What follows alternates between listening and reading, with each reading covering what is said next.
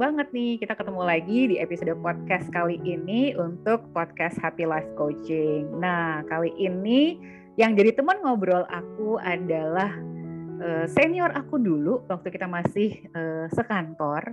Nah, belakangan ini uh, aku inilah ya mulai uh, men, men stalking nih ya, ibarat kata men stalking. Jadi kita tuh sama-sama uh, sebenarnya memang ada di sekolah coaching yang sama. Kita sesama teman coach lah gitu ya. Terus kan kita punya grup chat. Nah di grup chat itu terakhir yang bikin aku tergelitik kenapa pengen ngajak ngobrol itu ya gara-gara dia menuliskan gini.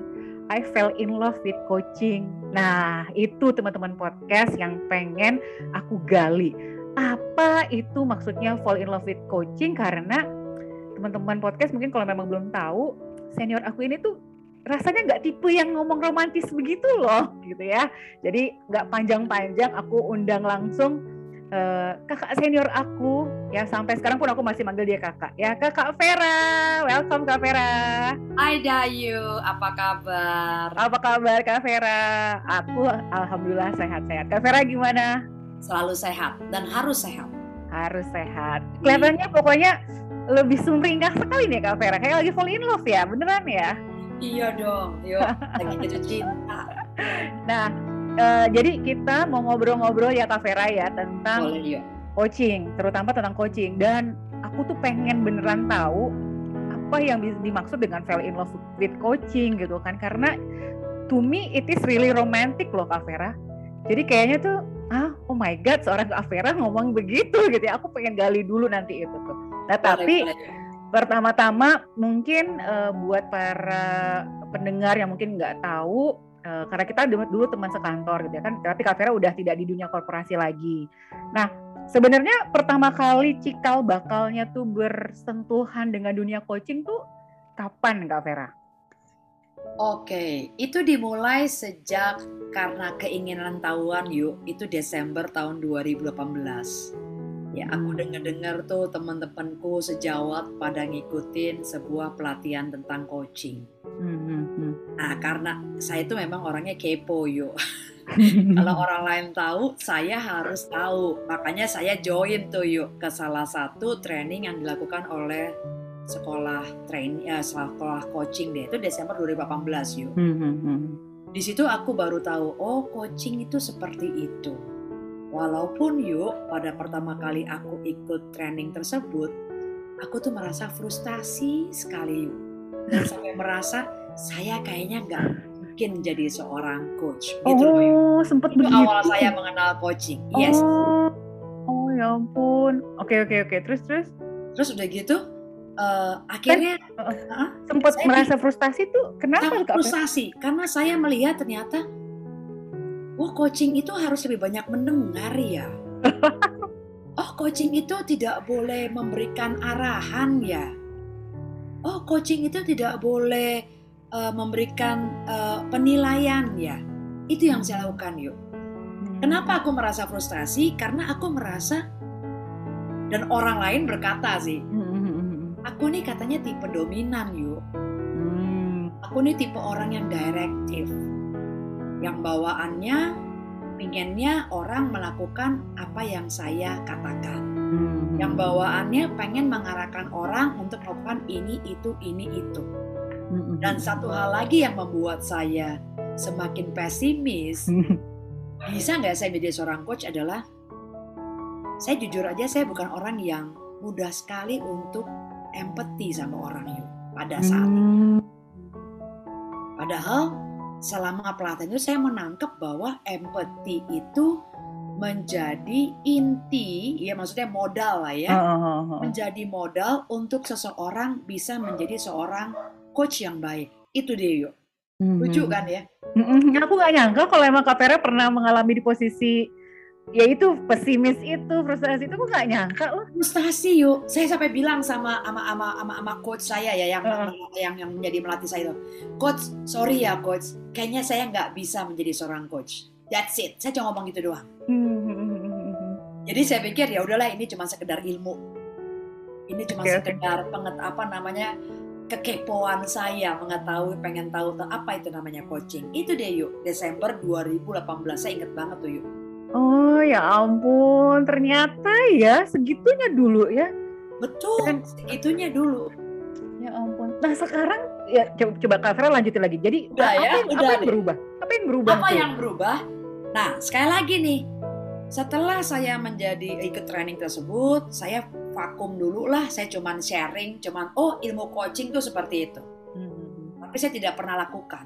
Saya saya hanya pernah melakukan waktu itu adalah ada satu prasyarat di dalam sekolah coaching itu katanya kalau mau lulus selain harus lulus apa ujian tertulis, Hmm. saya juga harus menyelesaikan 6 jam coaching hours.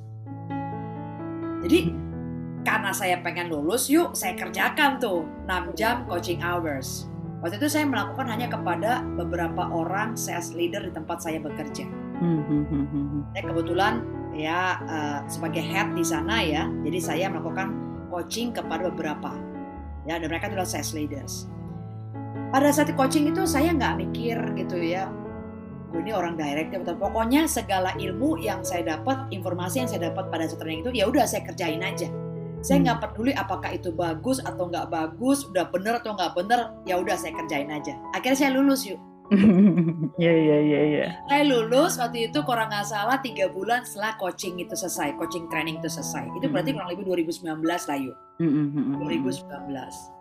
Lalu kemudian entah kenapa, berapa bulan kemudian, mungkin di awal-awal tahun 2000 kalau nggak salah, eh, belum pandemi ya yuk ya, kurang lebih Belum. uh-uh. yang tahun 2020 gitu ya, 2020 awal, terkonek lah saya sama coach saya tadi tuh yuk. Hmm. coach saya tadi terus gitu kemudian ngomong-ngomong-ngomong-ngomong gitu ya kepo lagi saya yuk.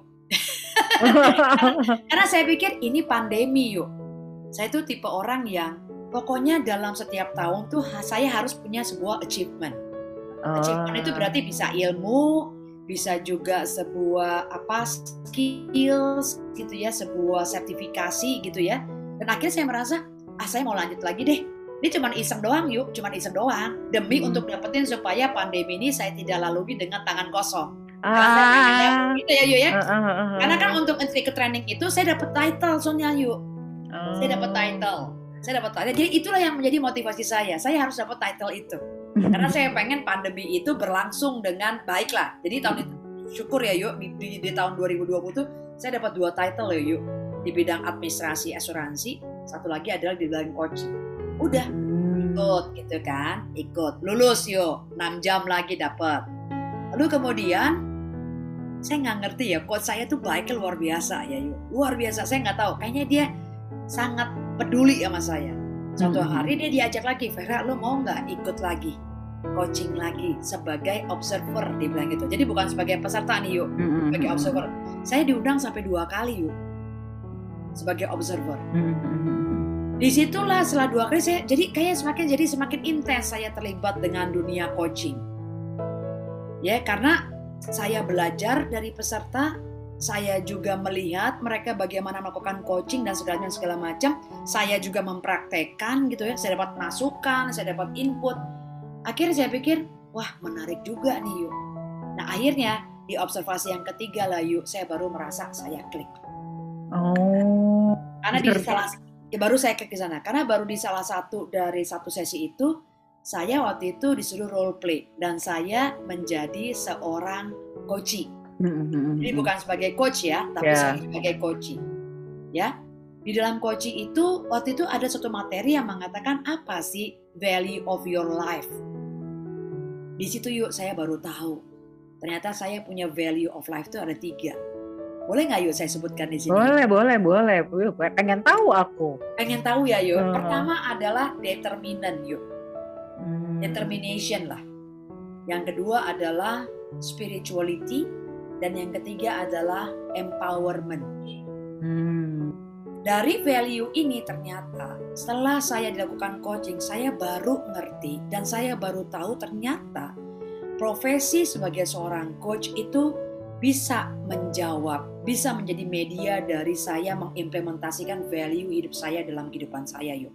Hmm. Di situlah saya merasa I fell in love. Oh. Itu yuk asal muasalnya.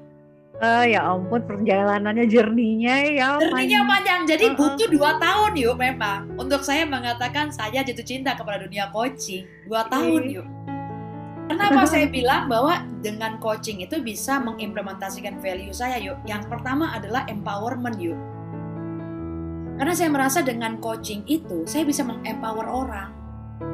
Karena kan kalau kita lihat definisi dari coaching berdasarkan International Coaching Federation ya Yu ya, salah satu federasi yang menaungi para coach coach di dunia ya Yu ya, saya adalah member dari sana. Itu kan definisinya adalah partnering, partnership, hmm. ya partnership uh, in thought provoking and creative process to help people to get their maximize to get their maximal potential. Jadi empoweringnya saya di situ tuh yuk saya merasa. Saya suka gitu ya. Kalau selama ini mungkin Dayu kenal ya, kakak tuh paling suka memotivasi orang. Mm-hmm. Lu pasti bisa. Aku ah, yakin lo bisa. Aku tuh paling suka gitu. Ayo lo belajar, lo belajar. Mungkin Dayu kenal aku seperti itu. Mm-hmm. Dan coaching ternyata semakin bisa memberikan aku sebuah media, sebuah jalan, saya bisa melakukan empower kepada orang lewat coaching itu yuk. Jadi saya merasa this is my profession This should be my profession. Ya, ada yang bilang bahwa coaching adalah provision of love. Bagi saya itulah bagian saya untuk menerjemahkan cinta kasih saya kepada orang, yaitu lewat coaching. So sweet, Kak Vera. Aku dengerinnya, wah so sweet banget. Seorang Kak Vera falling in love. Gitu ya. Falling in love itu uh, yang apa ya dalam pula gitu ya rasa-rasanya. Iya, jadi kalau dibilang kenapa saya falling in love itu yang membuat saya menggebu-gebu namanya juga orang jatuh cinta ya yuk iya iya ingat ya yuk kita jatuh cinta zaman dulu uh-uh. rasanya tuh pengen ketemu doi mulu gitu ya uh-uh. rasanya pengen ngobrol terus sama doi begitu enggak iya benar-benar begitu pun juga dengan saya rasanya pengen coaching orang terus kayaknya pengen terus bisa menambahkan cinta saya dengan ikut seminar saya nggak pernah bolos loh yuk kalau ICF bikin kelas setiap minggu setiap bulan saya selalu join sekarang lagi ada International Coaching Summit ya Yu ya. Saya iya, nggak yeah, yeah. pernah absen Yu. Mau oh. malam minggu, mau minggu siang di mana orang waktunya bobo siang, saya dengerin yuk. Saya selalu ngambil notes di situ. Saya selalu ngambil lesson learn, lesson learn, lesson learn. Itu yang saya bilang. Makanya saya bilang I fell in love with coaching. Salut aku Kak Vera, salut, salut. Karena yang aku lihat adalah uh, yaitu tadi ya karena emang jadi uh, walaupun kita sesama coach gitu ya uh, jadi aku banyak belajar juga lah dari Kak Vera ini karena aku kayaknya belum sampai tahap begitu tuh Kak Vera karena yang pengen aku gali lagi kan adalah Kak Vera tapi kan uh, lumayan ya perjalanannya ya Kak Vera. Investasi waktunya investasi apa pun itu. Nah itu nggak nggak pernah kepikir aduh capek atau aduh aduh banyak banget sih kayak gitu-gitu. Ada pernah kepikir gitu nggak sih? Bener yuk. Sebenarnya capek. Tapi kenapa aku bisa melewati itu semuanya? Di lewat coaching itu juga aku baru tahu yuk. Kenapa aku bisa seperti itu? Karena ternyata value aku determination itu yuk.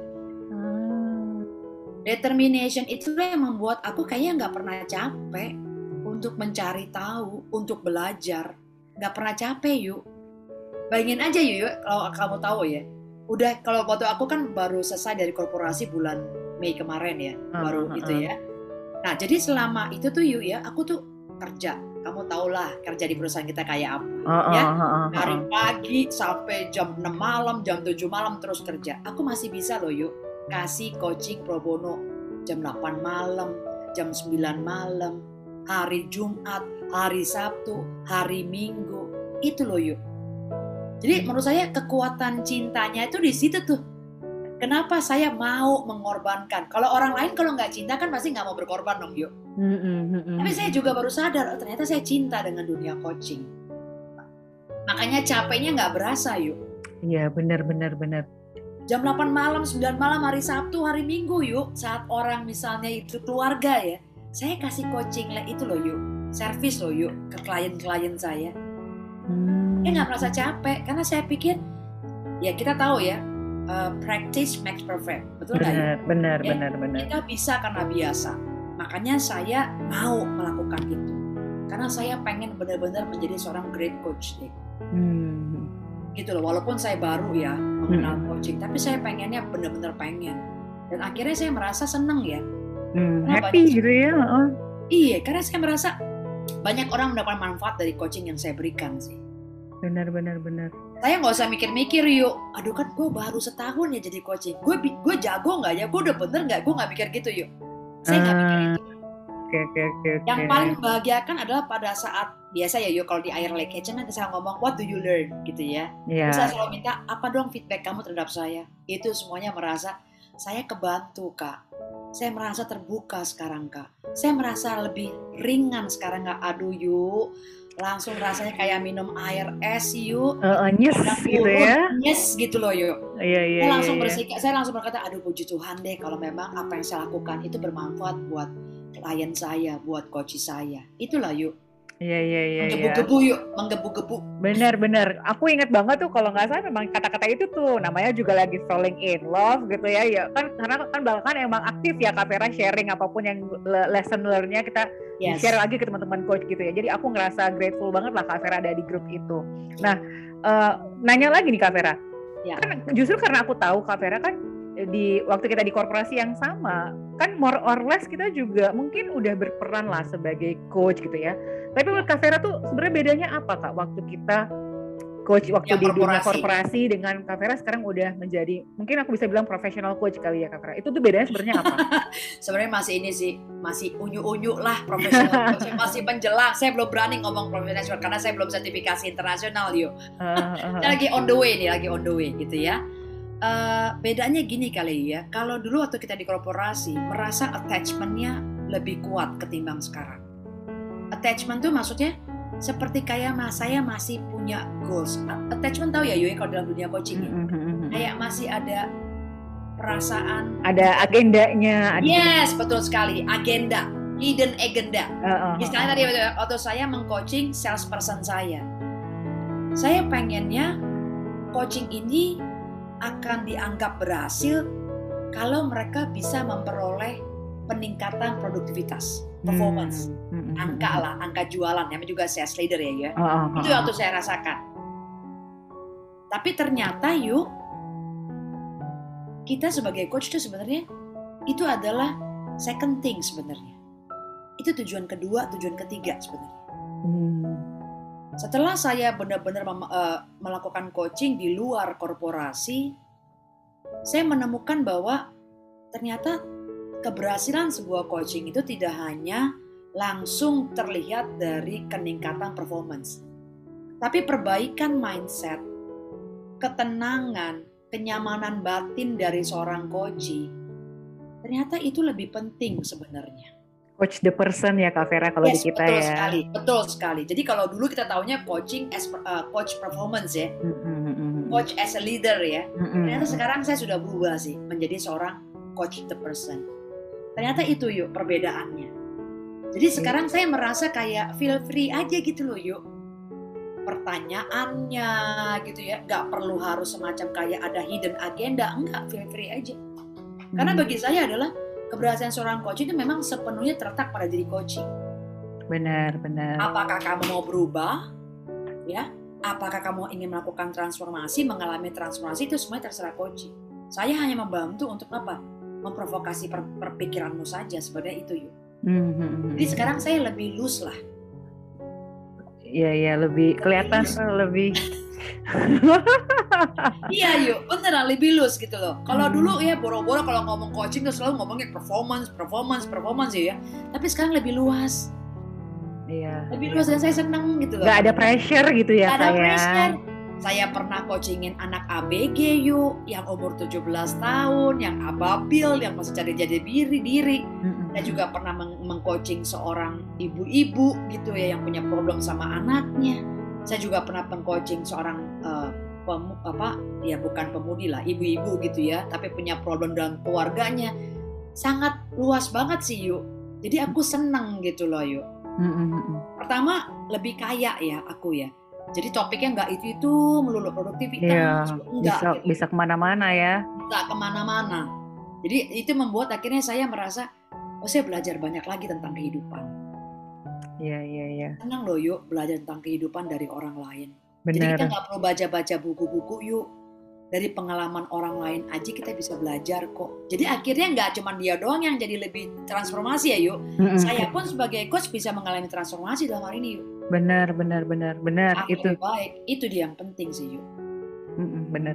Kak Vera, terus eh, bicara mengenai eh, kita kan di Indonesia sendiri kan belum begitu banyak lah ya Kak Vera sebenarnya dengan yang ya aku malah amazed banget lah Kak Vera. Uh, pokoknya determinasinya kelihatan banget lah ya. Eh, da- tapi da- di satu sisi kan belum banyak orang yang tahu mengenai coaching gitu ya Kak Vera ya. Nah, menurut Kak Vera tuh sendiri kalau misalnya mau apa ya, mau menyampaikan secara simple coaching buat orang awam itu tuh sebenarnya apa tuh? Yang mau disampaikan kalau orang awam, coaching tuh apa jadi sebenarnya? Supaya misalnya orang awam tuh jadinya mungkin akhirnya bisa nggak tahu deh bisa lebih pengen tahu mengenai coaching. Apakah memang oh ya udah deh saya coba deh mau jadi mau jadi coaching gitu kan ya.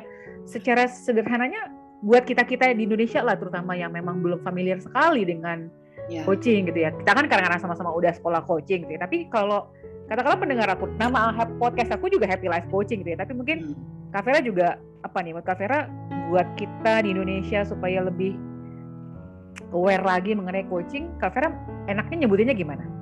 Aku setuju sih yuk dengan pernyataan kamu ya. Sepertinya coaching itu bukan sebuah istilah yang familiar buat kita orang Indonesia. Dan aku juga menangkap sih, nggak semua orang Indonesia itu menganggap they need coaching. Padahal sesungguhnya menurut saya ya, everybody needs coaching yuk. Karena coaching itu kan dikatakan bahwa dia itu unlocking potential ya berdasarkan definisi dari Sir John Whitmore ya, Mm, mm, unlocking potential. Jadi sebenarnya everybody needs coaching kalau mereka serius ingin menemukan apa potensi mereka. Kalau mereka tahu potensi mereka, aku yakin mereka bisa menggunakan potensi mereka itu untuk mendapatkan performance yang lebih maksimal Mm-mm. di dalam setiap aspek kehidupan mereka. Sebenarnya begitu sih, yuk. Cuman sayangnya memang ya itu dia.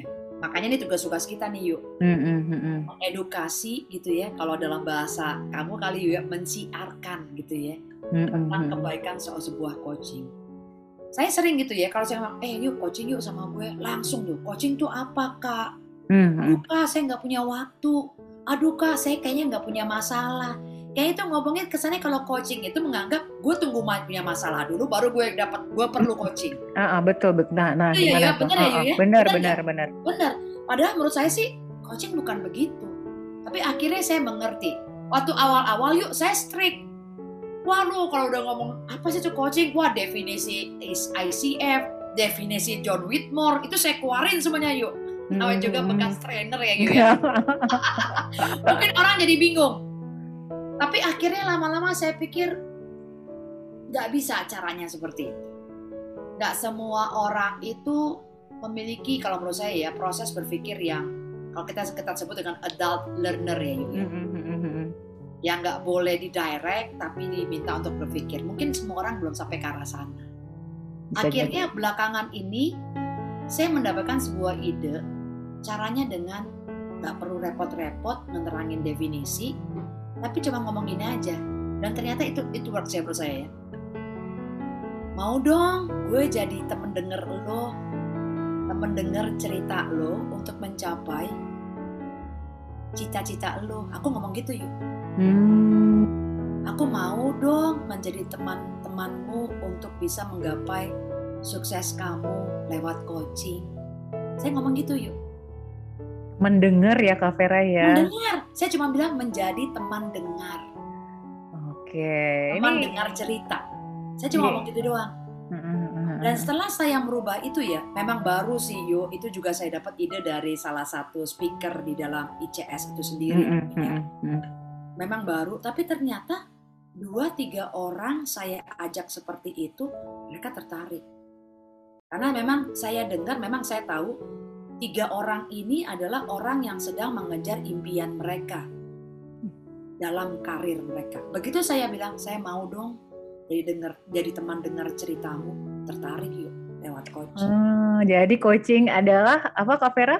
Teman dengar cerita dalam meraih cita Ah, oke. Ih, lewat bagus, coaching.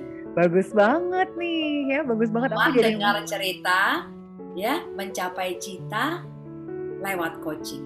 Saya ngomong gitu. Dan ternyata mereka mau, oh langsung, ah, apa itu kak? Langsung begitu.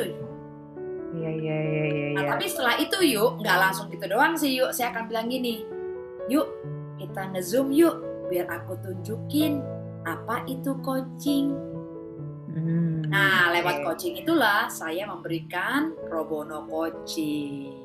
Hmm. Mana menurut kamu? Wah, bagus nih kak. Saya kok kayaknya semacam menjadi lega.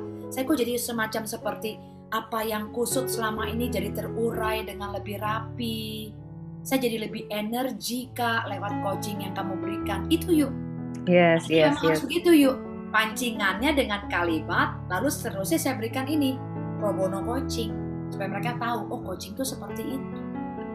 Wah, aku mau belajar sesuatu yang bagus banget nih hari ini ya. Jadi lebih apa ya? Istilahnya lebih lebih humanis gitu ya, teman dengar gitu ya, lebih Iya.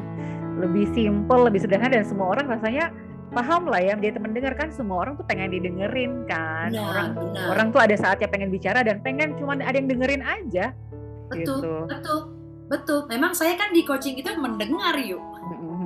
Ya kan yuk. Iya, iya benar-benar. Iya kan coaching sendiri kan dibilang apa sih? Less talking, more listening kan. Benar, Memang benar, saya benar. mendengar di sana. Saya tidak memberikan pengarahan, nggak beli judging, nggak beli labeling kepada mereka. Saya cuma mendengar kok. Saya cuma bertanya. Kalau saya ngomong pun cuma bertanya yuk. Benar, benar, benar. Itu yuk. Lebih lebih asik tuh kayak tuh teman dengar gitu loh. Iya betul sekali. Aku mau pakai juga nanti Kak Vera. Boleh, boleh. kita itu kan tugas kita yuk mensiarkan bahwa Benar, benar. itu adalah teman dengar sebenarnya. Benar, benar, Bukan benar. teman untuk dia memberikan arahan, memberikan judgement ya yuk ya, Mm-mm. labeling kayak gitu-gitu kan kita dilarang ya melakukan hal demikian yuk. Benar, benar, benar. Iya. Aku suka, aku suka dengan kata-kata itu teman dengar. Nanti aku Iya. pakai-pakai ah. Kak Vera, jadi kalau misalnya sepanjang Kak Vera perjalanan ya coaching itu kan adalah perjalanan lah ya. Aku setuju Oh. dengan itu juga karena kayaknya nggak akan pernah berhenti karena manusia juga akan makin berubah terus kita juga pasti berubah juga gitu. Tapi so far seber- seperjalanan Kak Vera di dunia coaching ini gitu ya. Ada nggak sih Kak Vera tuh eh, apa ya yang berkesan lah yang membuat eh, kalau ditanyain yang paling diingat dari coaching itu sendiri ada nggak sih pengalaman ya baik Kak Vera sebagai Kak Vera sebagai coach ataupun Kak Vera sebagai coach Hmm. ada yang paling ini nggak sih? Ada yuk, waktu itu saya pernah ya melakukan coaching ya kepada klien saya. Yang menarik bagi saya adalah ceritanya lucu ya dia bilang. Dia bilang gini, Bu, mungkin ini adalah jalan Tuhan untuk saya memilih topik ini. Karena sebenarnya saya nggak mau angkat topik ini untuk dijadikan sebagai topik dalam sebuah coaching. Kan Hmm, Dayu tahu ya kalau setiap Mm-mm. coaching kan pasti ada topik kan betul betul. ternyata entah kenapa yuk di saat itu dia langsung merubah topiknya yang tadi mungkin ya Mm-mm, rencananya kan kalau kita siap coaching kan pasti janjian ya ya mm-mm, kan saya selalu bilang siapin topik ya saya udah ngomong gitu ya mm-mm. nah ternyata sebelumnya dia misalnya let's say katakan dia sudah nyiapin topik A tapi ternyata begitu dia ketemu saya tiba-tiba waktu saya ngomong apa topik kita hari ini dia langsung bawa serset ke topik B yuk dan at the end dia merasa dia sangat beruntung mengambil topik itu. Dan dia merasa bahwa kayak ada semacam gerakan gitu loh yang dia merasa itu mungkin petunjuk dari Tuhan. Dan akhirnya dia merasa tahu apa yang harus dia lakukan. Karena bertahun-tahun dia ternyata menga- meng- meng- meng- mengalami eh, bukan kayak semacam menahan sebuah beban dalam hidupnya yang dia merasa itulah yang membuat akhirnya dia tidak bisa menemukan titik terang dari masalahnya dia Hmm, itu dia yuk yang bagi saya merasa ini ya merasa menarik buat saya dan yang kedua yuk tadi kan aku dibilang sama awal gitu ya saya punya tipe orang yang suka ngomong ya Dayu tahu ya saya suka Iya ngomong. iya. oh, oh, oh. Tapi entah kenapa pada saat itu saya merasa saya begitu presence. Saya begitu mindfulness. Dan saya mampu memberikan pertanyaan-pertanyaan yang kalau kita sebut dengan powerful questions. Padahal kalau ditanya apa sih Fer masa lalu kalau ngelakuin coaching, powerful questions kan, presence kan. itu adalah masalah saya yuk. Karena saya Hmm. merasa memang tadi ya karakter saya gitu ya Mm-mm. karakter saya yang dominan direktif nggak empati tapi pada saat melakukan coaching tersebut kepada orang tersebut yuk saya merasakan eh gila ya kok saya bisa ya kasih pertanyaan seperti itu kok saya bisa ya mindfulness seperti itu saya benar-benar seperti dancing with the client Iya iya kata-kata itu tuh ya dancing with the client partnership banget ya. Betul yuk. Itu bagi saya yang pengalaman yang sungguh sangat menarik sih yuk. Yang menurut saya amazing gitu bagi saya. Eh gila ya, kok gue bisa begitu ya gitu loh yuk. Iya iya iya. Aku, aku tuh jadi ngeliat memang berarti memang coaching itu pun merubah si coach itu sendiri ya Kak Vera ya. Betul, betul, betul, betul. Makanya saya bilang itu proses loh yuk. Proses ya. Tadi yang saya bilang itu dari awal saya mengatakan, aduh saya enggak banget ya jadi coach. Pengen aja. Iya, heeh, benar. Karena saya merasa orangnya direktif, bla bla bla bla bla bla gitu ya. Tapi lama kelamaan, semakin lama saya melakukan coaching, selama makin lama saya man hour saya tambah, saya tambah, saya tambah. Ya akhirnya saya beginilah yuk. Iya, ah so happy banget ih ngelihatnya. Jadi bener-bener ini ya, a- aku bersyukur lah ya ngobrol sama Kak Vera yang yang kita berasal dari ini yang sama, dunia korporasi yang sama gitu ya. Dan melihat Kak Vera yang sekarang tuh eh, ternyata memang coach itu pun memang tertransform dengan proses coaching itu Benar. sendiri. Benar sekali. Bener-bener bener. Karena kan kita mengucapkan sesuatu ya Yu ya. Mengucapkan sesuatu lalu kita dengar kan lewat telinga kita kan. Nah telinga itu kan mungkin ada yang ngendep di otak, ada yang ngendep di hati gitu kan. Akhirnya kan keluar jadi sebagai attitudes kan, sebagai actions kan. Benar, Itu benar. loh sajaknya si Lao Tse yuk. Watch your thoughts, it becomes your. Oh Ya kan? iya. Watch your words, it become your actions kan, gitu loh. Benar, benar, benar, benar. Akhirnya kata-kata yang diucapkan saya, kata-kata yang diucapkan oleh si koci, itu kan tertanam, masuk ke dalam telinga saya. Keluar jadi attitude itu, jadi keluar jadi perilaku. Makanya saya bilang, coaching itu tidak hanya merubah koci, tapi juga bisa merubah si, si coach itu sendiri yuk. Benar, benar. Setuju, Itu. setuju. Dan satu lagi yuk, topik coaching itu nggak pernah jelek. Saya saya bilang itu, apa pun itu coaching topik itu, itu tidak pernah jelek. Pasti bisa memberikan suatu pelajaran buat kita sendiri sih. Yes, yes, benar, benar, benar. Benar. Aduh, pokoknya I love coaching yuk. ah, so sweet sekali Kak Vera. Ya ampun. Amazing sekali lihat Kak Vera nih ber apa ya? Ya itu kayak jatuh cinta gitu yang senyum-senyum Iya, bener. selalu gitu ya. Betul, betul yuk. Benar, Betul. benar, benar. Kayak makanya jadi kelihatan ini loh berseri-seri gitu loh. Iya yuk. Selain kita saya jadi coaching ya, itu lagi ya Bang Zi. Yang pertama adalah itu menjawab value saya sih. Itu menjadi media Benar. saya untuk menciptakan value saya empowerment. Lewat coaching kita bisa empower orang. Itu yang harusnya orang sadar sih. Yuk. Hmm. Nah, Kak Vera, kalau boleh berharap, kalau boleh berharap lah ya terhadap penerimaan orang lah tentang coaching di Indonesia khususnya, ya secara umum di Indonesia khususnya mungkin karena kita Jakarta lah ya. Apa sih kalau boleh berharap terhadap penerimaan coaching ini di luaran sana gitu? Aku cuma pikir gini aja sih Yu ya. Ini ini buat coach atau buat coach atau buat orang-orang gitu ya. Buat orang-orang itulah ya, ada harapan nggak sih bahwa ya coaching itu makin diterima gitu ya? Ada ini nggak sih Iya. ada harapan ya semakin banyak orang menerima coaching gitu ya, semakin banyak orang yang menyadari bahwa oh coaching itu ternyata helpful sekali atau atau enggak impactful sekali. Karena harapan Kak Vera gimana nih? Harapannya sih sebenarnya adalah kita sebagai coach pertama dulu ya. ya. Kita sebagai coach jangan pernah sus, jangan pernah lelah untuk memperkenalkan coaching itu kepada orang-orang. Karena eh, apa tuh apa yuk ibaratnya seperti kayak nggak kenal maka nggak sayang yuk. Ya, heeh. Jadi memang kita harus perkenalkan. Cuman memang yang tadi saya katakan ya, kita memang harus memilih sebuah mungkin sebuah tagline kah, sebuah eh, asosiasi yang mengatakan bahwa coaching itu adalah apa sih? Yaitu dari yang teman apa teman, Teman dengar cerita meraih cita sebenarnya seperti itu sih teman dengar aja kan aku bilang sih begitu yuk Hmm. teman dengar lo nggak usah takut cuma memang perlu kerja keras ya Yu ya karena saya menurut saya ya Yu ya banyak orang yang sudah menganggap coaching itu jadi negatif Karena kenapa heeh, heeh. Karena kesannya orang bermasalah aja yang Yes betul gitu. sekali padahal coaching itu adalah untuk orang yang tidak bermasalah Ya ya, Mm-mm. itu yang aku bilang udah salah statementnya dari awal. Makanya kita perlu tuh menggerakkan. Eh coaching tuh tidak seperti itu. Maka kita harus terus mendengarkan. Nah bagi orang-orang sih yang mendengar podcast ini ya yuk, semoga bisa itu ya, bisa mulai terbuka lah untuk menerima coaching, untuk melakukan atau mengalami coaching gitu ya, supaya mereka bisa mendapatkan pencerahan lah paling tidak. Kalau aku bilang sih enlightening lah, ya, enlightening Mm-mm, lah, ya, pencerahan. Coaching bukan untuk orang bermasalah kok. Coaching justru untuk apa? Membantu orang untuk menemukan potensinya, bukan menemukan masalahnya. Hmm. Bukan untuk menemukan yang salah, tapi menemukan potensinya. Oke, itu oke. yang, yang yang mungkin saya bisa katakan ya yuk. Hmm.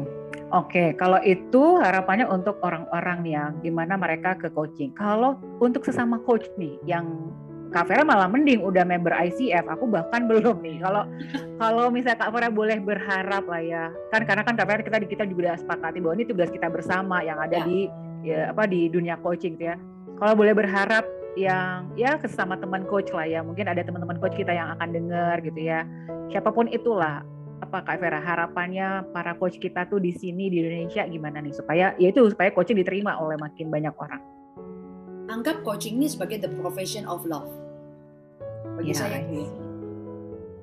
Karena saya lihat tidak ada cara lain sih kalau aku bilang sih untuk bisa membuat orang sadar mengerti tentang diri mereka selain lewat coaching.